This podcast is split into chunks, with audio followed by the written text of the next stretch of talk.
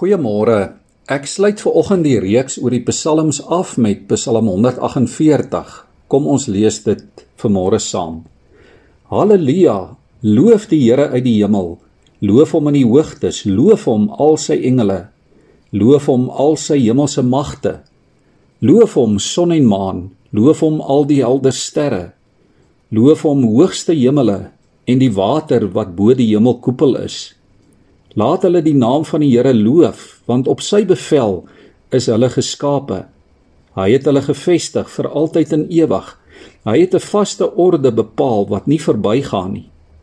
Loof die Here vanuit die aarde, see monsters en al die diep waters, vuur en haal, sneeu en nevels, stormwind wat sy bevel uitvoer, berge en al die heuwels, bome wat vrugte dra en al die seders wilde diere en al die vee, diere wat kruip en voëls wat vlieg, konings van die aarde en al die volke, aanvoerders en al die regerders van die aarde, jong mans en ook meisies, ou mense saam met jong mense. Hulle moet die naam van die Here loof want sy naam alleen is hoog verhewe. Sy luisterrykheid strek oor aarde en hemel. Hy het sy volk sterk gemaak 'n rede tot lof vir al sy troue volgelinge. Die Israeliete, die volk wat na aan hom is. Halleluja. Liewe vriende, as ons vanmôre mooi daaroor dink, dan het God ons as klein mensies nie nodig nie. Wat kan ons tog wees? En hoe sag klink ons stemmetjies teen die onbeskryflike groot simfonie van die skepping? Psalm 148 probeer vanuit 'n mense oogpunt iets sê oor hoe die skepping die dag en die nag gedurig elke sekonde die Here van hemel en aarde loof en verheerlik. Dit laat ons ook dink aan die woorde van Psalm 8. As ek u hemel aanskou, die werk van u vingers, die maan en die sterre waaraan u 'n plek gegee het, wat is die mens dan dat u aan hom dink. Met Psalm 148 is dit asof 'n mens op 'n hoë bergtop staan en jy kyk uit oor die onpylbare eindelose horisonne. En dan word dit nag rondom jou en die hemel met sy ontelbare sterre vou om en oor jou. En jy word self net al hoe kleiner en kleiner. Jy word so klein dat jy in die groot skepping verdwyn en saam met jou verdwyn die duisende klein mensgemaakte satelliete wat om die aarde wentel. Ja, wat is die mens dat u aan hom dink?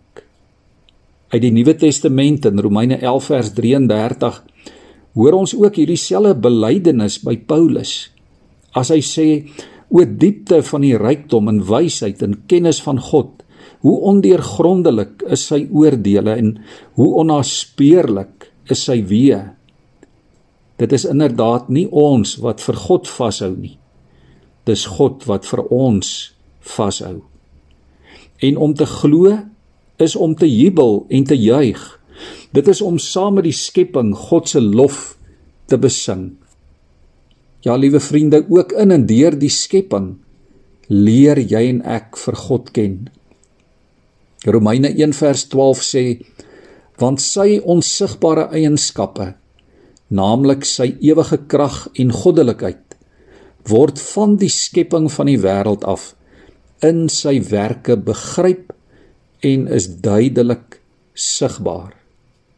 Noag kon dit sien. Abraham en Moses en Dawid kon dit sien. Job kon dit sien. En Paulus kon dit sien. En so kon miljoene gelowiges deur die eeue dit sien. En jy en ek kan dit sien en hoor en voel en proe en weet. Al sy handewerke is die rede tot lof vir al sy volgelinge. Mag die Here ons deur sy gees help om hom in sy skepping raak te sien en in hom te glo. En mag ons lewe dan ook bewys wees van ons geloof in hom. Mag ons lof aan die Here bewys dat ons in hom glo. Kom ons buig ons hoofde in gebed. Here, ons hoor U in die stormwind, in die dreuning van die onweer. Ons sien U in die son se opkom en ondergaan en in die groen van bome en in helder blomme kleure. Ons ruik U in die omgeploegde grond, in vars somervrugte en in die naderende somerreën.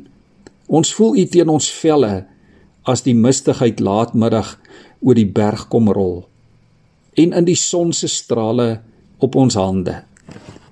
U Skepper God van aarde en hemel, lofwaardige Heer van ons lewe.